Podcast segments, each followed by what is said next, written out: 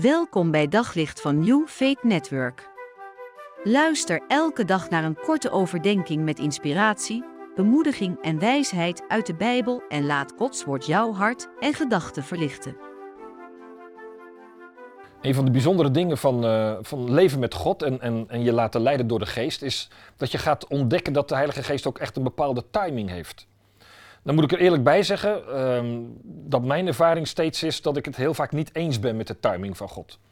Uh, je hebt iets gevraagd aan God, je wil je leven laten leiden, je merkt dat, dat God met je bezig is, dat die een bepaalde kant op stuurt. En dan wil ik graag dat het ook snel zichtbaar en duidelijk wordt. Uh, God is wel, uh, voor mijn gevoel, wel eens een beetje traag. iemand zei eens een keer, God is een God van 5 km per uur. Dat is het wandeltempo. Wij hollen graag, maar God wandelt. Hij heeft de tijd. En dat is iets wat de Heilige Geest ons ook leert. Uh, God heeft zijn eigen tijd. Je ziet dat ook bij de Heer Jezus. Hè. Op het moment dat hij begint, zegt hij in, um, in, in, hoofdstuk 4, Matthäus 4, dan zegt hij, uh, nu is mijn tijd gekomen. Het koninkrijk van God is aangebroken. Dit is de tijd. Dit is Gods tijd. Wij hebben uh, tijd, en dat is het Griekse woord wat in de Bijbel ervoor gebruikt wordt, is chronos. Dat is gewoon hè, dag in, dag uit. Maar je hebt ook Gods tijd. Dat is het woordje kairos. Dat is een ander woord. Dat is een specifiek moment. Een door God bepaald moment. Jezus begon zijn verkondiging op een door God bepaald moment. En zo is het ook met de leiding van de Heilige Geest in je leven. De Heilige Geest komt soms op een bepaald moment en laat dan op dat moment ook echt dingen gebeuren. Dingen komen bij elkaar. Je hebt een ontmoeting, eh, iemand spreekt je ergens op aan, je wordt gebeld door iemand en bam, je voelt dit is het moment. Dit is eh, door God bepaald. Nu moet ik reageren. Het kan ook zijn dat je ergens in de loop van de tijd naartoe groeit.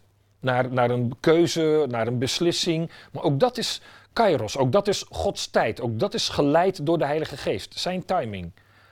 Het is alleen zaak dat wij erop leren letten.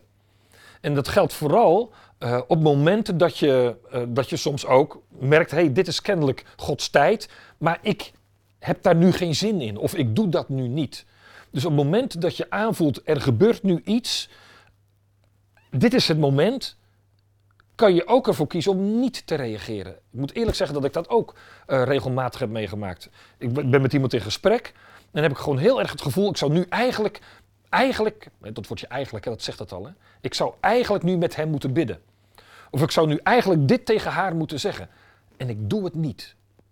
En achteraf heb ik er altijd weer spijt van. Denk ik, had ik het nou maar gedaan, dan. Ja, weet ik niet wat God had gedaan. Maar ik had wel het gevoel dat ik de timing van de geest heb gemist. Heb overgeslagen.